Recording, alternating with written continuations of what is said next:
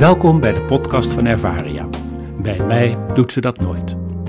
In deze podcast nemen we je mee in situaties van onbegrepen gedrag bij mensen met een ouder wordend of beschadigd brein.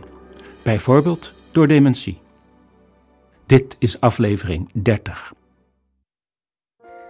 Gemma Hamers komt haar moeder bezoeken in de boterbloem.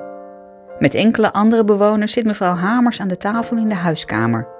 Gemma ziet haar direct, maar omdat haar moeder met de rug naar haar toe zit, kan zij Gemma nog niet zien. Blij om haar moeder te zien, loopt Gemma naar de tafel, slaat haar armen om haar moeder heen en wil haar een knuffel geven. Maar mevrouw Hamers reageert direct met een slaande beweging richting Gemma. Gemma is daardoor zeer ontdaan. Mijn moeder kan soms zo agressief doen, vertelt Gemma aan Lies. Maar Lies legt uit dat het helpt om mensen met dementie niet te verrassen door hun van achteren te benaderen, hoe lief dat dan ook bedoeld is.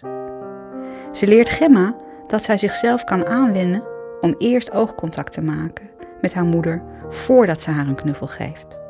Dit werkt, merkt Gemma de volgende keer direct. Ze kan haar moeder nu wel een liefdevolle knuffel geven. Voor ieder mens is de prikkel van achteren vervelend. Onze hersenen verzetten zich daartegen.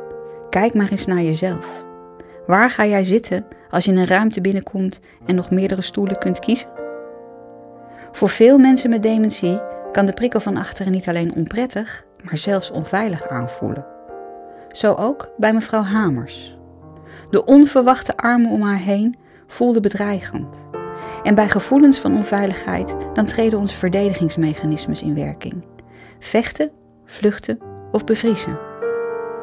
Bij mensen met dementie werken die mechanismes nog steeds. De slaande beweging van mevrouw Hamers kunnen we dus verklaren als een manier om zichzelf te verdedigen tegen de onverwachte, bedreigende gebeurtenis.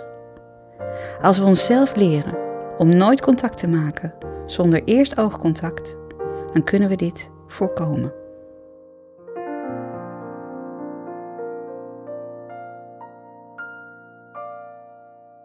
Meer informatie is te vinden in ons boek Bij mij doet ze dat nooit. Je kunt ook de website www.ervaria.nl bezoeken of mailen naar info.ervaria.nl. Bedankt voor het luisteren.